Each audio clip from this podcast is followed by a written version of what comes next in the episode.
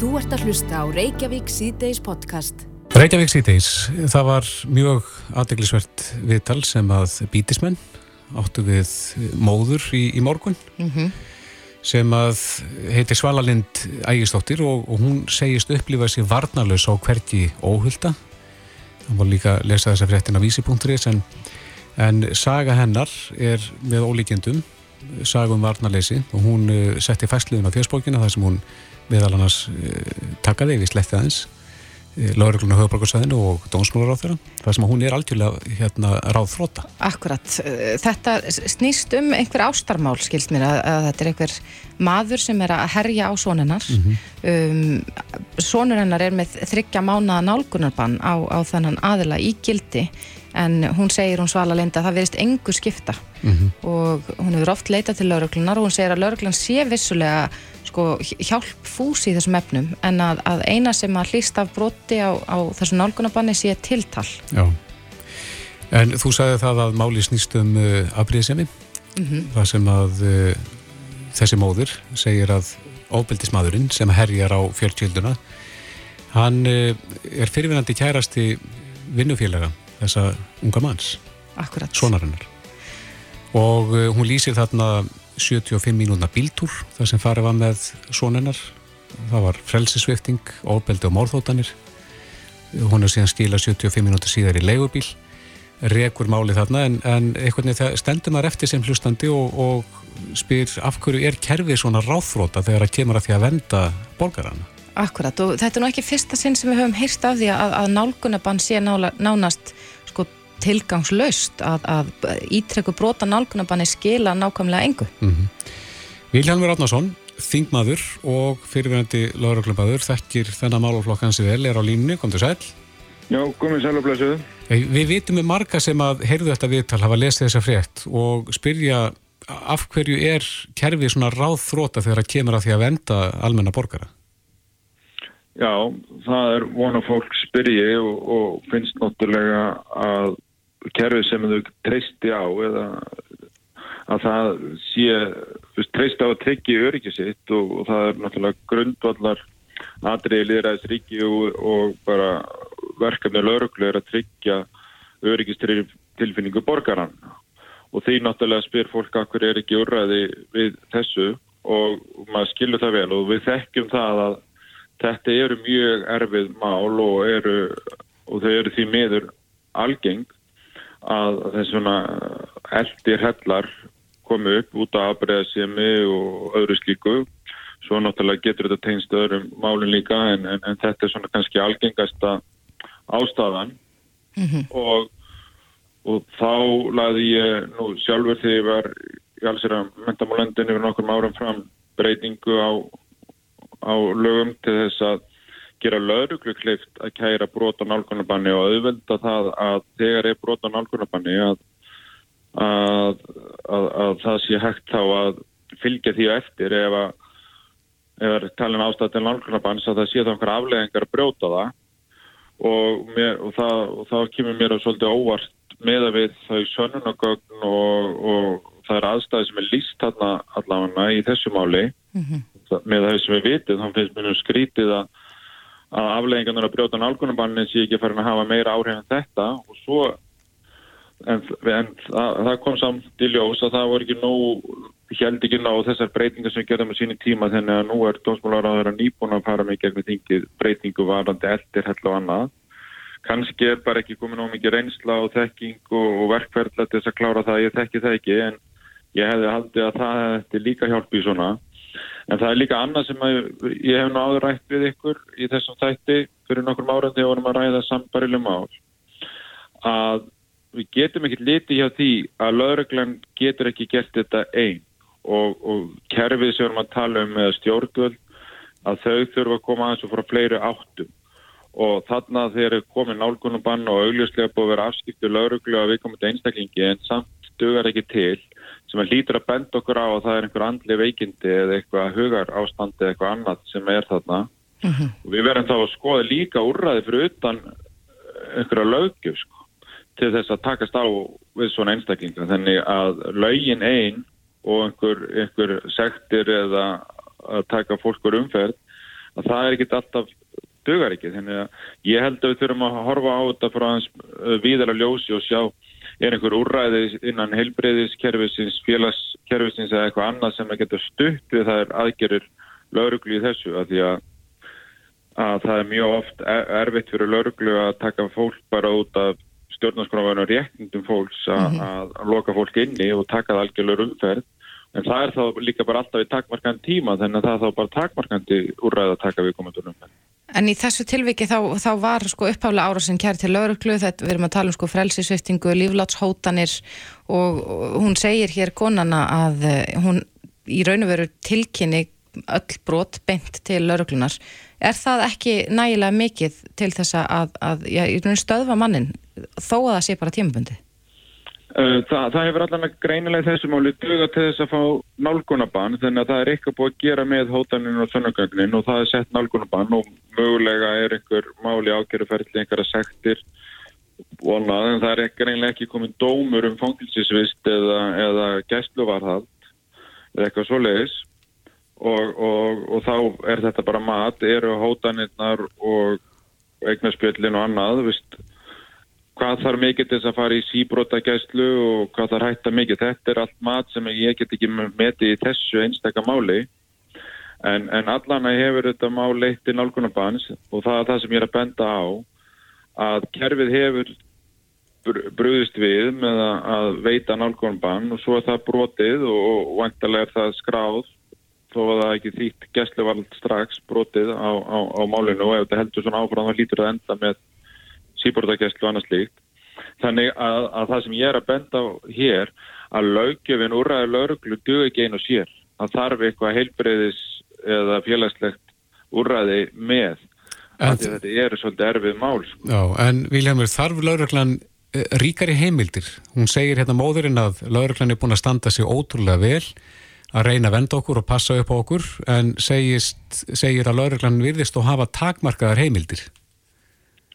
Já, ég, ég, sko, ég held að mögulega hefur lauruglan eh, hérna einhvers konar takkmarka heimildi kannski þegar þá ringa að það sé að fara í einhvers konar tímabund gæslevarald meðan er fundið lausna málinu eða eitthvað en, en það, það er og á að vera erfitt að, að taka fólkur um fyrir að loka það inni sko. Og það er nú bara stjórnarskráfanir réttindur þannig að, að það sem ég er að tala um hér við þurfum að finna einhver úræði þarna í í millitíðinni að því að ef þetta heldur svona áfram þá, þá hlýtu það náttúrulega enda með þannig að, til fyrr að ég þekk ekki þetta tildegna mál alveg. Og þannig að það er bara spurning frekari úræði með að við þetta ástand eru þá að loka til fyrr inni í gæslevaraldi eða einhvers konar. Og, þá, og því er ég að spyrja áðurum fyrir mig svo stóra en takmarkandi úrræði að því að gæsluverðandi er alltaf bara tímabundið og það er ekki þar með sagt að ástand viðkomandi að við lagast þegar hann losnar úr því. Og því þurfum við að segja hvernig getum við fundið einhverju laust til þess að ná viðkomandi út úr þessu ástandi þessu hugar ástandi sem að veldur því að viðkomandi haldi áfaram að, að ónæða fólk og ógna fólki og, og eðilegja eignir fólks traftur að vera búin að fá nálgunarbann, sektir og, og, og, og lauruglununa gafl til sín. Já, þannig að þú kallar eftir meira samstarfið milli málaflokka? Já, það er bara nöysilegt að við þurfum að leysa þetta út frá starra samhengi heldur en bara hérna valdbeitingu lauruglu. Já, Vilhelmur Átnánsson, þingmaður fyrir hann til lauruglumöður, kæra þakki fyrir þetta. Já, takk sem að leiðis. Þú ert að hlusta á Reykjavík C-Days podcast.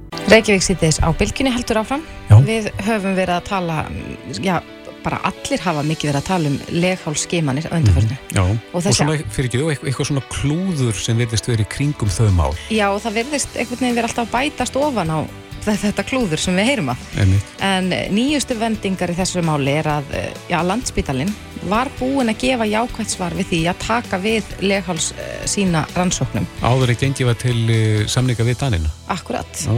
Og þetta er svona aðeins og skjön við það sem við heyrðum bæði frá, sko, frá heilbreyðisra á þeirra um daginn, þar sem að, að það var, já, hún segir við okkur um Svandi Svagastóttir að, að, að landsbítalinn hafi verið búin að gefa þetta frá sér. Einmitt. Þannig að við veitum varla í hvort fótinn á stíga mm -hmm. og svo hefur velferðnemnd alþingis verið að kalla eftir svörum við þessu í núna já, nokkrar vikur. Formaðurinn þar, Helga Val Helgadóttir er á línunni, komdu sæl. Sælverði. Þið fáið ekki umbeðin gögn eða hvað, hvað er rétt í þessu? Nei, nei, við, við spurðum uh, helbriðisáðara og, og starfsfólk helbriðisráðunætis fyrir, uh, já, næri tveimur mánuðum og óskuðum svo eftir minnisbladi um þetta allt saman uh, fyrir sjö vikum síðan og hefum ítrekka það margsinnis þá beðni, þá minnisblad um þessa ákverðin að, að færa skimanir á þessum þessum hérna leikháls sínum til Danmerkur og þessu öllu saman, fyrst voru, voru það brjóstamyndatökurnar og svo bara veiku setna komuðu upplýsingar um þessi leihálsíni og, og við fáum ekki eh, umbeðin gögn, minnisblad og upplýsingar um þessar samningar sem voru gerðir við þessa dönsku rannsóknastofu. Mm -hmm.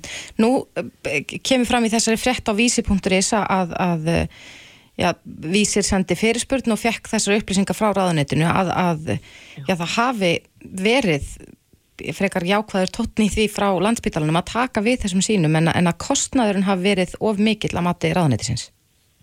Já, þetta eru alveg nýjar upplýsingar. Uh, ég hef uh, ítrekka spurt ráð þeirra hér í Þingsal út í þetta allt saman.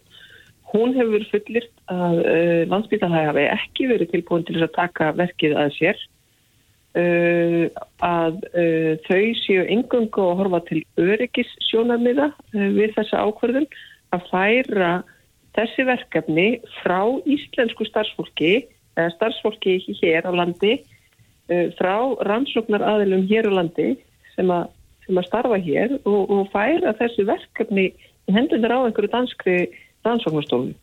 Okkur fannst þetta svolítið skrítið og, og, og ég hef spurt um þetta ítrekkað. Af hverju gengið er fram hjá innlendu starfsfólki sem að starfar á þjóðarsíkuráðum okkar. Mjög, mjög sérstak. Við eigum hérna nýjustu tæki sem að geta uh, ansakað þetta. Við erum með fullt af mjög hæfi starfsfólki. Finnst mjög skrítið að í það stjórnvöld tæki ákvörðun um að, að, að ganga fram hjá því. Mm -hmm.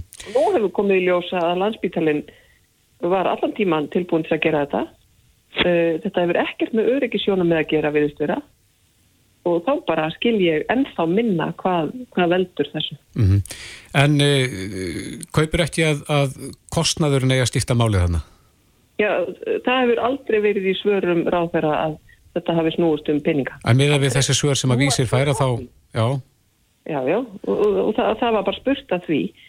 Það var alltaf, alltaf uh, viðkvæðið annars vegar að landsbítalinn geti ekki gert þetta, þá spurðum við hvort að það hefðu, gætu verið einhverjar aðrir innanlands af því að raskið af því að senda þetta út var tölvert og er tölvert. Í fyrsta lagi snýst þetta um rekjanleika sínana því það þarf að breyta um kennitölur á sínunum því að íslenska kennitölur ganga ekki í, í danska kerfinu. Það þurfti líka að, að breyta sína glösunum Þannig að hérna, þetta var uh, svona eitt og annað sem að greinilega uh, var ekki alveg eins og átt að vera og auðvitað tímin og það var talað um að uh, sínin væru ekki nógu mörg til þess að það væri hægt að gera þetta hér á landi. En það er líka búið að reyka það. Þannig að við bara, núna kallum við enn meira eftir þessu minnisbladi af því að orð og, og, og hljóð eða, orð og mynd skulum við segja fer ekki alveg saman í svörum heilbriðið fyrirvalda. En eh, já, svona fyrst vera nú aðeins að tala um kostnað hefur það eitthvað tíma komið fram hver, hversu mikill kostnaður er í því að senda þetta út og, og hvernig samningurinn hljóðar við, við sjúkrahúsið í Danmörku? Það er nákvæmlega það sem við erum að býða eftir og höfum beðið eftir í sjö vekur núna að fá að vita hvernig hljóðar þessi samningur við þess að dönskur rannsóknarstofu. Hver væri, já, svona drauma neðustan í þessu máli, hvað, eh, sem sagt, ættu að segja upp þessum samning og færa þetta hinga fyrst að þetta er hægt hér? Já, sko, ég vil allavega fá að vita hvers vegna er tekinn þessu ákvörðun að ganga fram hjá íslensku eða innlendum rannsóknar aðilum af hverju er, er tekin ákvöðun að færa þetta út úr landinu og í rauninni minka möguleika innlendra rannsóknar aðila til þess að auka sína þekkingu og viðhalda henni. Það er verið að taka þarna stórt og verkefni út úr íslensku heilbríðiskerfi og færa það erlendum rannsóknar aðilum. Mm -hmm. Mér finnst þetta líka mjög alvarleg skilabót til ungs fólks sem er að menta sig sem að, sem að horfur á bara fjölda starfa að fara á landi. Mér finnst það einhvern veginn rosalega skrítin skilabóð frá, frá illendu heilbyrðis yfirvöldum. Já, en Helga vel, þið fá ekki svör, hafið þið leitað eftir leiðsöka til þess að Já, fá svörin? Ég er bara að fórsetta þings sem að hjálpa okkur í dag. Ég, hann brást nú ekkit við því en, en ég hef eftir að, að fara á trúnum með stengrimi og, og spyrja hvort það sé til ég að hjálpa mér. Já, við vonum að það gangi vel. Helga Vala Helgadóttir, formaður velferðanemdar. Kærar þakki fyrir þetta. Takk fyrir. Hlustaðu hvena sem er á Reykjavík C-Days podcast. Jæja, Reykjavík síðdeist, það er óætt að segja að það hafi farið fyrringur um uh, ferðarþjónustuna, svona við þessa nýjustu fréttir að nú er að fara að gefa grænt ljós á að hleypa hingað fólki, erlendu ferðarmönnum sem eru með hérna, grænt ljós, bólusetningastýrstinni. Akkurat, og hún sagði, það var nú talað um það í gæra að ferðarþjónustan var orðin svolítið þyrst eftir góðum fréttum. Mm -hmm og þetta voru nú góða fréttir mm. svo rekst ég hér á og ég sé að, að sko, erlendir miðlar er farin að fjalla um þetta en þessar breytingar taka gildi á morgun mm. með nýri reglugerð Já.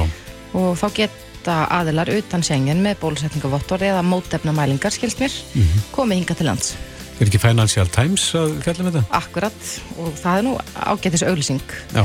en eh, við veitum samt að við munum þurfa að fara í einhvers konar markas herrferð Við erum að fara að opna mögulega fólk þyrst í víðáttuna sem að er hér á landi. Mm -hmm. En á línunni hjá okkur er Sigriður Dögg Guðmundsdóttir, hún er fagstjóri ferðarþjónustu hjá Íslandsstofu. Komdu sæl. Komdu sæl. Já, vinna er líklegast hafinn ekki satt við einhvers konar markas áttak fyrir Ísland? Já, það hefur náttúrulega verið vinna í gangi núna alveg stöðugt meðan á COVID-19 staðið að jötna, viðhalda áhuga á áfangastæðnum og sem hefur verið vissulega áskorun.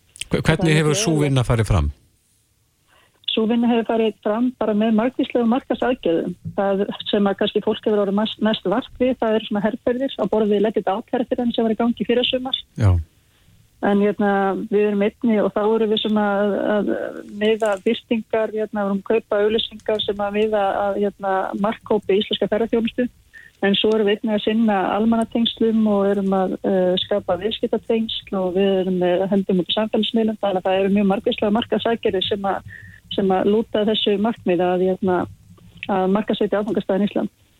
Hvernig eh, sjáu þið fyrir ykkur markasherfer núna þegar að, eins og í fyrra, þegar að þessi lettit átherfer var e, í gangi, þá voru þetta ekki til bólusetningar og núna er við já, að opna og gera bæði breytum og bandrækjumönnum sem koma hingað í rannum, kleifta komingað. Hvernig sjáu þið fyrir ykkur að, að markasetja núna? En núna, um, við, sjá, við erum kannski ekki fara að breyta neitt endilega um takt strax af því að uh, það er ekki þess að vanta að við séum að sjá að ferðarmenn sé að fara að koma í stíu ströymum hérna bara næstu vikum.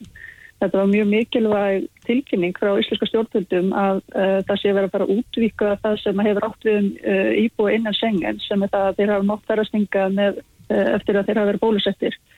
Það er mjög mikilvægt að núna eigi þetta við um hérna, löndu utan sengen og þá falla þar undir tveir okkar langt mikilvægstu markaðir sem eru Bandaríkin og Breitland. Já. Þannig að það sem við höfum verið að gera núna það er að miðla þessum upplýsingum út uh, í gegnum almanatengslastofu sem við erum með á þessum mörkuðum, passa ellendi ferðahilfælu sem eru að selja Íslandsferðir á þessum mörkuðum séu með þetta um þetta og einnig að miðla þessu til eldra fjölmela og eins og þau eru að vísa til áðan þá hérna, er þetta farið að vekja aðbyggli Mm -hmm. og, og þetta, og, en við erum einnig með hérna, markasækjörður í gangi í Breitlandi sem við settum í gang fyrir einna hálfur viku og við settum þær í gang uh, þegar við verðum vörðið að það var aukin áhuga bókunum eftir að bandari stjórn, nei, bresk stjórnvöld tilkynntum hérna, mestu skref þar í landi þannig að þá settum við þar aðgerðir í gang til þess að kanna viðtökur og þær er að gefa okkur þær vísvöldningar um að það sé tölum verið ferða áhuga í Breitlandi til Íslands mm -hmm. þannig að við erum að horfa skoða grundvöld til að gera svipað í bandaríkinum og jötna, hérna, við, við erum að vonast til þess að þetta muni hjálpa til varandi uh, ferða, hjálpa ferðamennum að koma til Íslands í sumar en við, við búum ekki við að þetta verði einhverjum sprenging á allarnarstöðukum. Nei, En uh, faraldurinn hefur náttúrulega kallað á það að fólk má ekki hópast mikið saman. Verður gert mikið úr víðáttunni hér? Það er að segja að reyna að fá fólk hérna út í náttúruna og, og það sem er ekki kannski mikil mann þröng. Eh, íslenska náttúran er náttúrulega e- eitt það sem að fólk segir að það sé helst aðdráttur af okkar og það er bara öllett að við, við sínum það, fram á það í okkar markasefni. En hins vegar eru við að sjá líka merkið, þessist greiningar eru bendið þess annarsvegar að sumum muni vilja sækja í svona víðáttu og jæna, ekki vilja vera nálat öðrum. En svo eru við líka sjá greiningar sem sína okkur það að þegar fólk eru komið bólusetningu þá munum við jafnvel bara vilja sækja svolítið aftur í sumu gamlu góðu ferðinar og njóta þess að vera innan um fólk á veitingastöðum og í mannfröng. Þannig að það er ekki, það er engin svona augljósmerki um nákvæmlega hvað það er sem fólk muni sækja í. Nei. En við minnum svolítið halda okkur bara við það sem við höfum verið að leggja svolítið áherslu í okkar markasetningu undir fyrir nára og það er bara að sína Ísland sem svona helsa sáfangastað, við erum að sína alla landsluta hveti fólk til að ferðast í þeim landið og, og sína ábyrga ferðarhæðin. Já, en segir áður en að ferðarmennin hörfu að þá var komin að stað svona pínu umræða um uh, mannmerðin á, á þessum vinsælu ferðarmannastöðum eins og við Guldfoss og Geysi og þeim stöðum mm. og það var komin af stað umræðin um það að reyna að stýra trafíkinni svolítið hefur tími núna verið nýttur til þess að fara þessi yfir þessi mál þannig að við lendum ekki í sömu spórum aftur fljóðlega. Já, tímin, uh, tímin hefur nýttur mjög vel núna undarfarið og til dæmis farið í síðustu viku þá var að vera tilkennum útlítun og frangutarsjóða ferramannstaði upp á 1,5 miljard þannig að það er mjög margt sem að stjórnvöld hafi verið gera núna undarfarið og undarfærum ár til þess að styrkja innvið á Íslandi fyrir ferðarþjónustu sem að óksvísulega mjög hratt undarfærum tíu ár.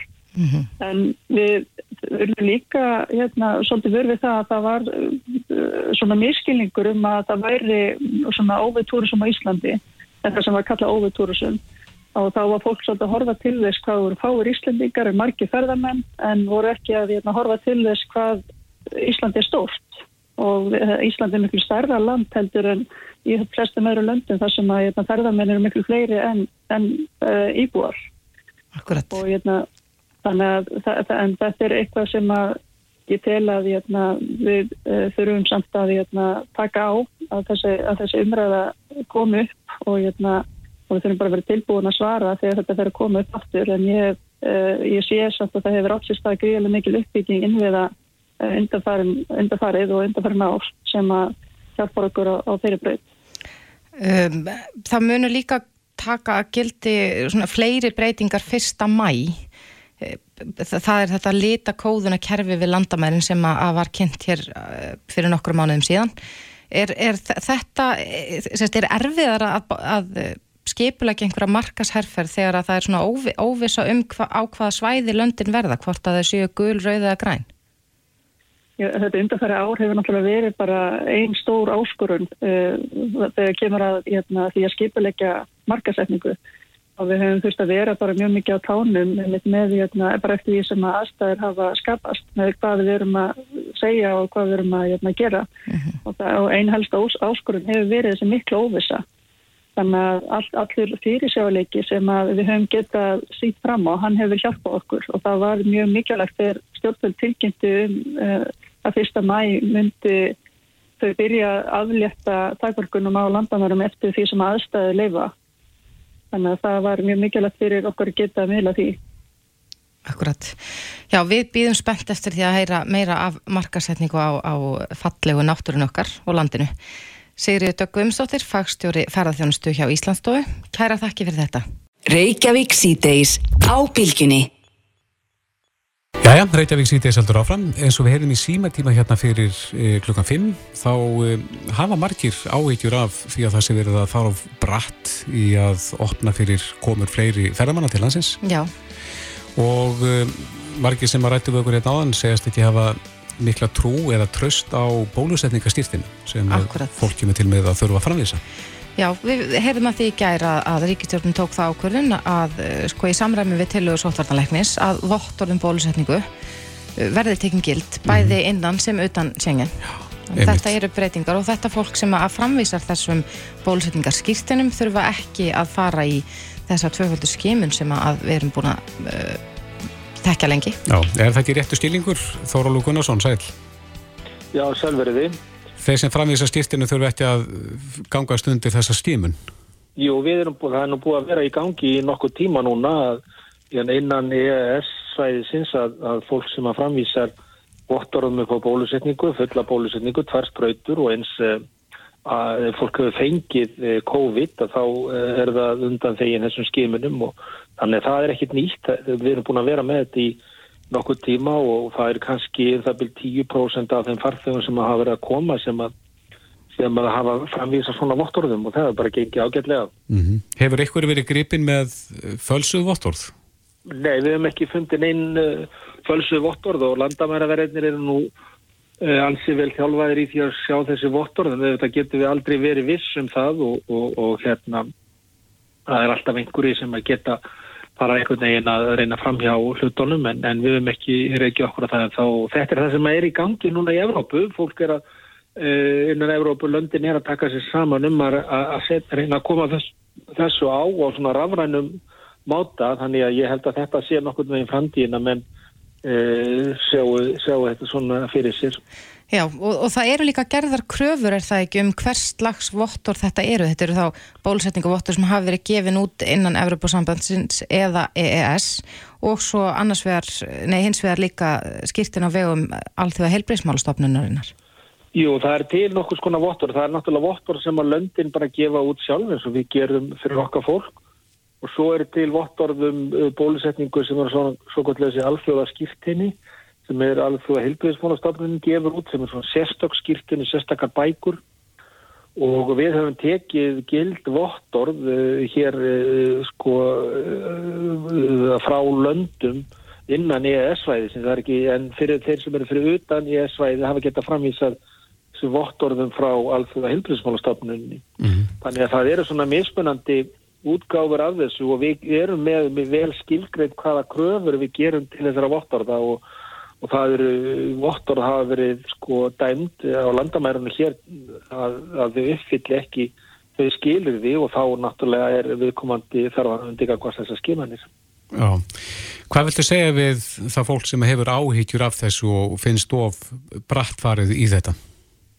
Já, ég segi bara eins og áður að það er ímynd sem fólki finnst að það sé of brattfarið eða ekki nógur hatt og við erum bara að reyna að gera þetta samt eins vel eins og hægt er og, og reyna að gera þetta eins fagmannlega og, og eins og mögulegt er og, og við náttúrulega bara leggjum okkur í líma að gera það áfram og ég held að þetta sé hluti af því að, að, að gera kröfur til vottorða og hérna þessu ákveður máta og fylgja því bara vel eftir því að við teljum það að þeir sem að hafa fengið COVID eða verið full bólusettir að þeir beri ekki með sér veiruna og það er þannig sem við mönum í áframhaldinu komast út úr þessu COVID-fári, það er á mhm. þennan máta. Einmitt, rétt aðeins í lokin ég var beðin um að spyrja þig að þessu en, en uh, það var nú oft verið talað um flugfólk, þar að það fólk sem er að ferðast hérna millir landa og gistir á hótelum og, og er svolítið kannski á svæðum þar sem að ástandi er ekki nógu gott. Hefur ekki komið til greina að setja mm,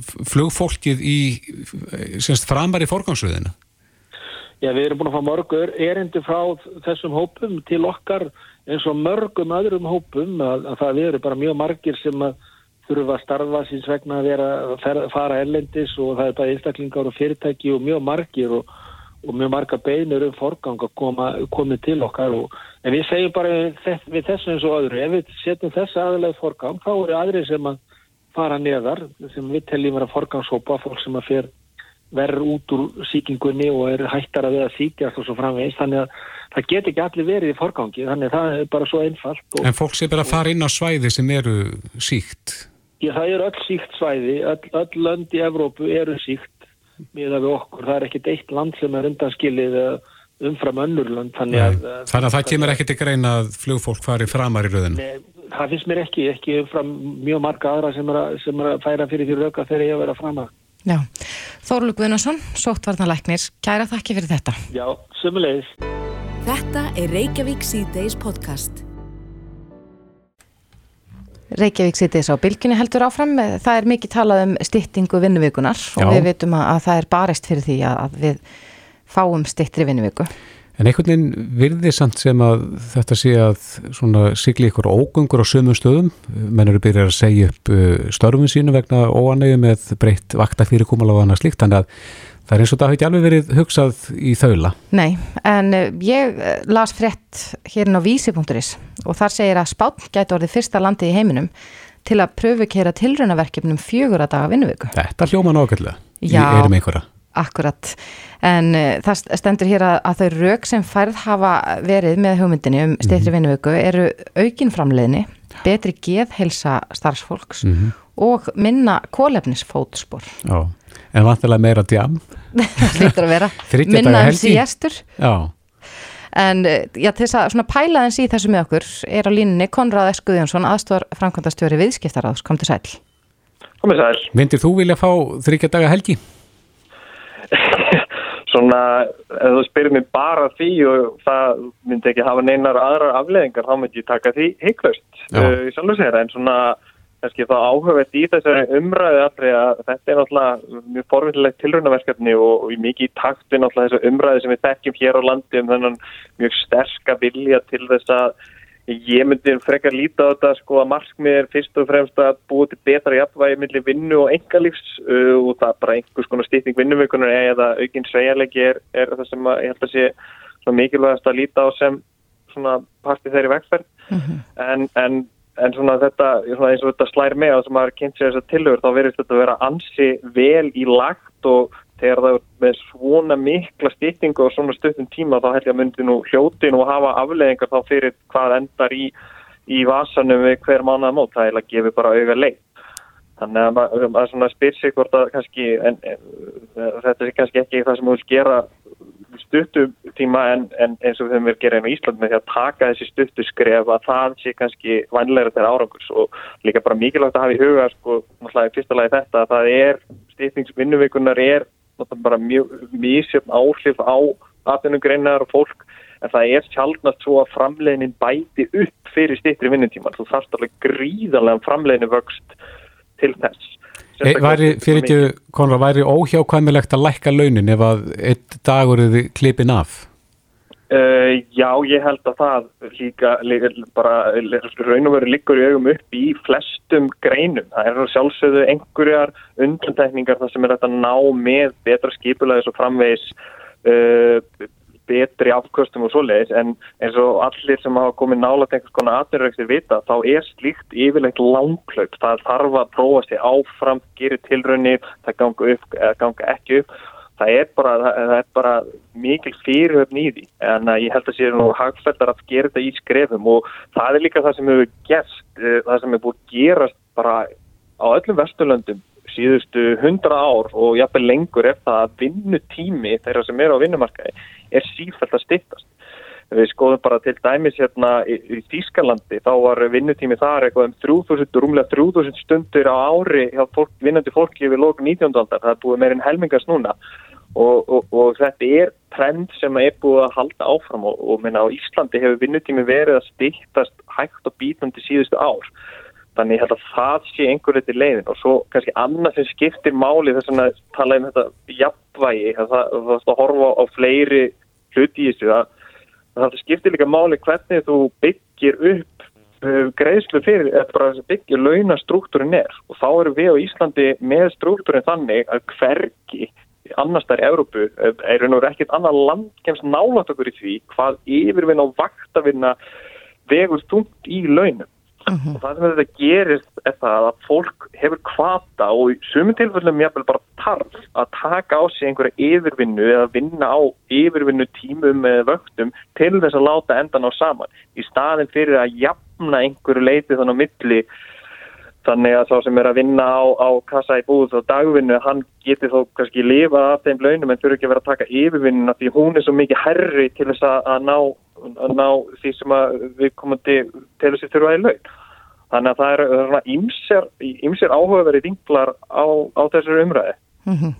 En e, þú segir að við séum eina báti hvað var þar þessa yfirvinnu sem að við verðumst vera að gjörna á að vinna? Já, það, það passar. Ég held að þetta sé eitthvað um 12% heldalönum hérna á Íslandi og ég man ekki hvaða land er næst, á eftir okkur en ég held að þetta sé svona haldrækningur á í Ísland. Þetta er innan við 5% í flestum þegar löndum sem við berum okkur sama við og þetta er ekki að við vinnum svo lengi, alþjóðlegu samanböru sínir það að við einmitt vinnum svona í samengi við OECD-ríki, vinnum við frekar lítið og raun og veru vinnum við áleika mikið og hinn Norðurlöndin uh, eftir því svona, sem, svona, svona hver, hver raunverulegi vinnutímin er.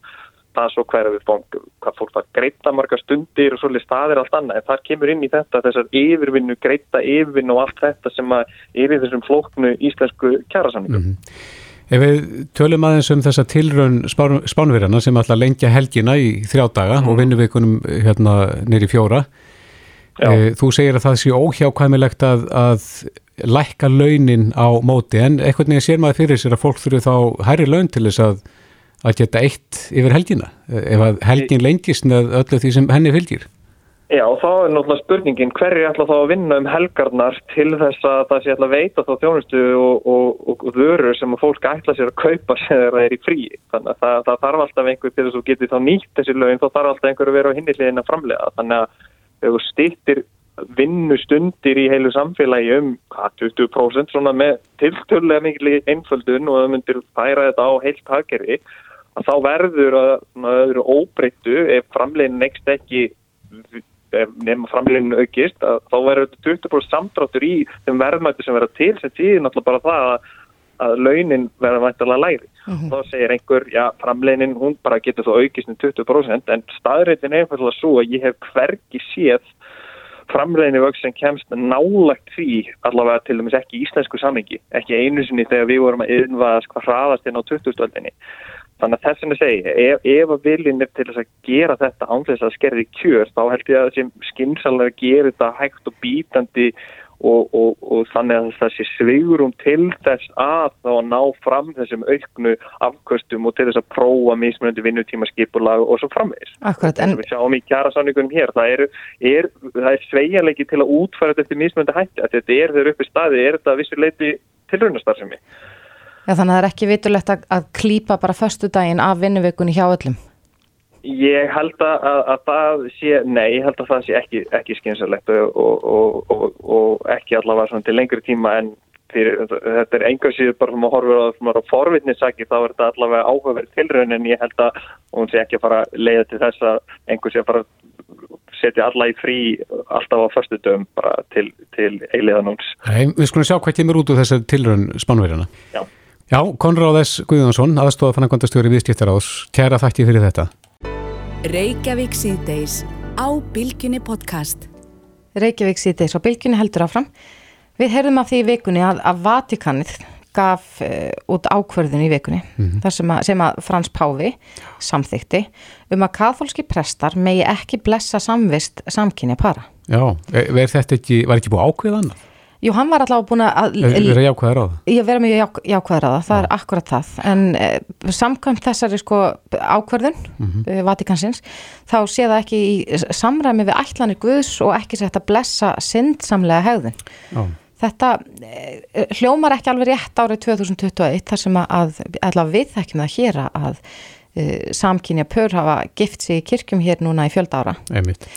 Og það er heldur ekki á hverjum degi sem að ráþæra uh, ákveður að senda bref til Páhans? Nei, en það gerði Guðmundur Ingi Guðbrandsson eh, umhverjus og auðlendar á þeirra í dag, kom til sæl. Já, sælveriði. Hvað stendur í brefinu? Já, það stendur nú ímislegt. Ég er í hlista lagi að lýsa því yfir við Páhan að uh, mér finnist þetta í rauninni rökvilla sem að kemur fram í ákverðun Vatikansins og katholsku kirkunar Eh, vegna þess að þau segja að þau get ekki blessað uh, samkynja sambund því að Guð bless ekki synd og hvernig getur það að vera með einstaklingi af sama kynni verið synd og búa með slíkum einstaklingi, elska slíkan einstakling, sofa hjá honum eða henni eða, eða hvernig sem á það er litið. Ég get ekki skilið að það sé synd. Um, hins vegar er ég í rauninni að skora á hann að draga þessu ákveðin tilbaka og sko ég held að, að Frans Páfi hann, hann hefur staðið þess að mörguleiti mjög vel uh, hefur undirstreika mikilvægi þess að að hérna, koma vel fram við samkynnegt og, og hins eginn fólk. Eh, við þurfum að, að hefur sagt að það þurfum að, verða réttindi þeirra og svo framvegis. Eh, en eh, þarna er kirkjan að ganga skref sem er ekki alveg takti við það. Þannig að þegar maður trúir á fólk að það vilji gera vel, þá skorra maður á það. Það hef ég gert þarna, skorrað á hann að draga ákverðuna tilbaka. Mm -hmm. Heldur þú að, að, já það er nú ekki hverjum deg sem að ráðherra skrifar páfanum bref, heldur þú að hann muni frekar opna bref já, frá mm. ráðherra á Íslandi heldur, heldur en einhverjum öðrum? Mér finnst það eiginlega skipta meira máli að hann beiti sér fyrir því að draga sér ákvörðun tilbaka heldur en hann svari mér. Mm. Um, það finnst mér skipta öllu máli. Og sko það sem að ég held að maður kannski átti sig ekki alltaf á er að þegar um er að ræða jafn valdamikla mannesku eða mannesku sem hefur jafn mikil áhrif og páinn að eh, manneski sem að nær til sko miljónamanna mm -hmm. út um allan heim að þá skiptir svo miklu máli að það komi ekki svona skilaboð frá stíku fólki því að það getur stöðurlað að, að andúð og hatri á sakljósu fólki. Mm -hmm. Þannig að það er svona kannski, það er kannski svona stóri punkturinn í þessu að, að við þurfum að, að standa upp og láta ykkur heyra þegar, svona lagað er. Já, réttinda bara það, sko hins eginn fólks hér á landi hefur nú gengið nokkuð vel held ég meða við önnur lönd. Hefur áhugjur að þetta muni bara stöð, stöðla að sko fordómum og, og, og þess áttar út í heimi? Já, sko sjáum bara hvað er að gerast við það í til dæmis Östur-Európu. Uh, þar er í rauninni hefur, hefur aukist þessi hattursorðræða og ekki bara í gagvart hinsægin fólki heldur líka gagvart grundallaréttundum hvenna til þess að ráði yfir einn líkama. Þannig að allt sem að uh, getur orðið vatna á millu þeirra sem að halda þessum sjónamöðum á lofti, það er ekki af hennu góða.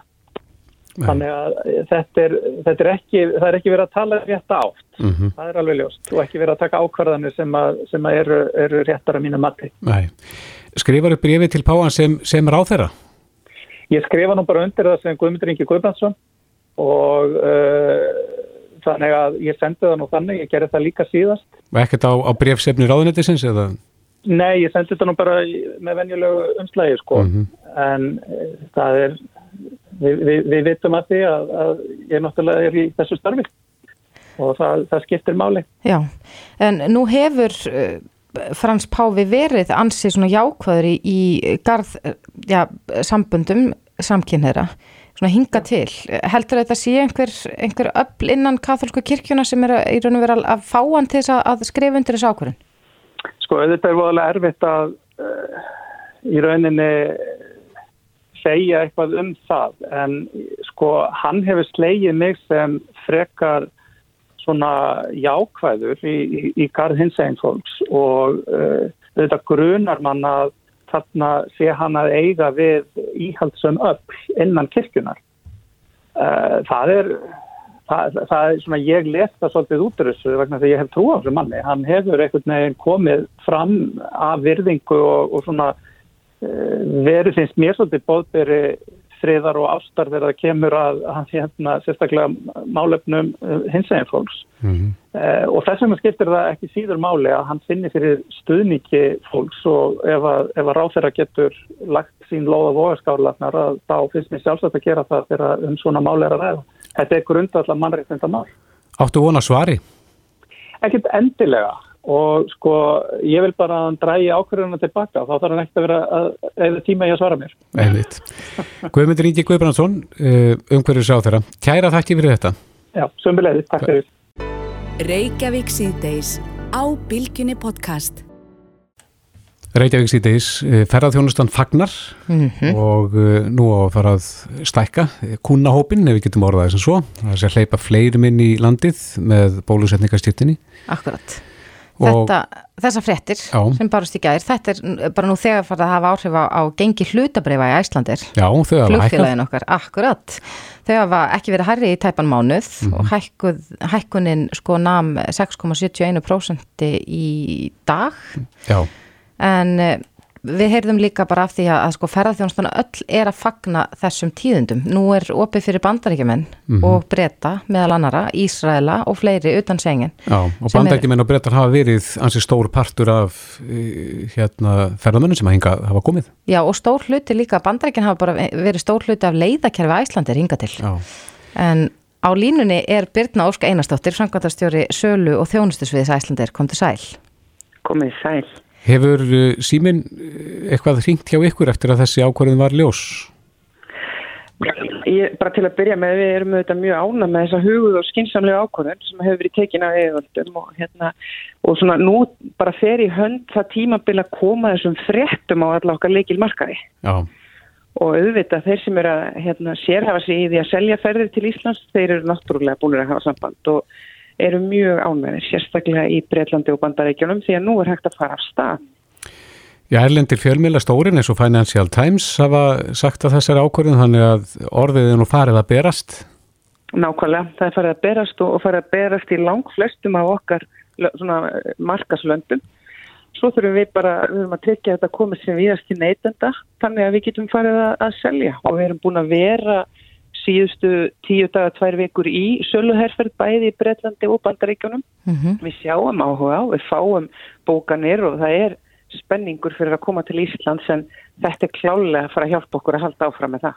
Er, er þín tilfinning svo byrna að fólk sé ennþá hálf tvístíðandi með að hvort það eigi að bóka eða bara að, að, sko láta vaða og, og skipulegja ferðalögin sín eða hvað? Já, já, og hérna, þetta er náttúrulega ábúslega stóra fréttir hjá okkur, en svo þarf fólk líka að taka með af reglunum í sínu landi, hvenar þau fái bólusetningu og þannig að þau geti fyrir að gera plön. Og hérna, það hjálpa mikið að erum með svejanlega skilmála, þannig að það er hægt að færa ferðir án mikill af vandræða og hætta við og fá innegn, en það eru þetta svona, það er ekki beinlinis komið af stað að fólk sé farið að ferðast nema í mjög litlu magni, Mhm. en það er greinilega mikil uppsöfnu þörf og svona verið að býða eftir rétta tímanum. Akkurat. Og þetta getur alveg ítt einhverju með við mörkin. Já. Gerðu þið breytingar, svona almennar breytingar á skilmálum ykkar þegar að, að þetta skall allt á hér fyrir rúmi ári síðan? Já, við gerum það og hérna settum hérna inn svona þann svejanleika að það er hægt að breyta dagsetningum á þess að borga breytingagjöld og það er hægt að hætta við og fá innegn í staðin. Og þetta er bara eitthvað sem er sjálfsagt að bjóða upp á og meðan er ennþá svona mikil óvissa. Já. En það náttúrulega fylgdi líka þessum fréttum af slæmu gengi félagsins að það þurft að segja upp uh, starfsfólki.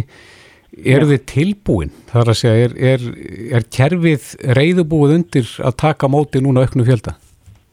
Við erum með alla innviði tilbúna og við erum auðvitað búin að leggja á áherslu að vera með mjög stóra og metna fulla áætlun í sölu þannig að svona öll net séu úti og það sé þá hægt að bjóða þeim sem vilja koma til Íslands ferðir og svo auðvitað bara höfum við alltaf smá fyrirvara á því að þurfa að ráða fleira fólkin og svo framvegis. Þannig að við verðum tilbúin, engin spurning um það. Við heyrðum hér áðan, Birna, í henni Sigriði Guðmundsdóttir fagstjóra ferðarþjónustu hjá Íslandsstofu. Og, og já, Íslandsstofa mun marka setja landið að einhver leiti og reyna að trekja ferðamenn eh, hingað. En eh, hvernig verður markas átaki ykkar allir þegar stílina víðóttuna sem við getum bóðið upp á hér? Já, við höfum alltaf lagt mjög mikið, mikla áherslu á fegur náttúrunar og hversu mikið Ísland hefur upp á að bjóða. Frábæra þjónustu sem er búið að byggja upp líka undanfærin ár og hérna allt sem er í rauninni orðið í bóði í ferðarþjónustunni þannig að það verður klálega lögða áherslu á það.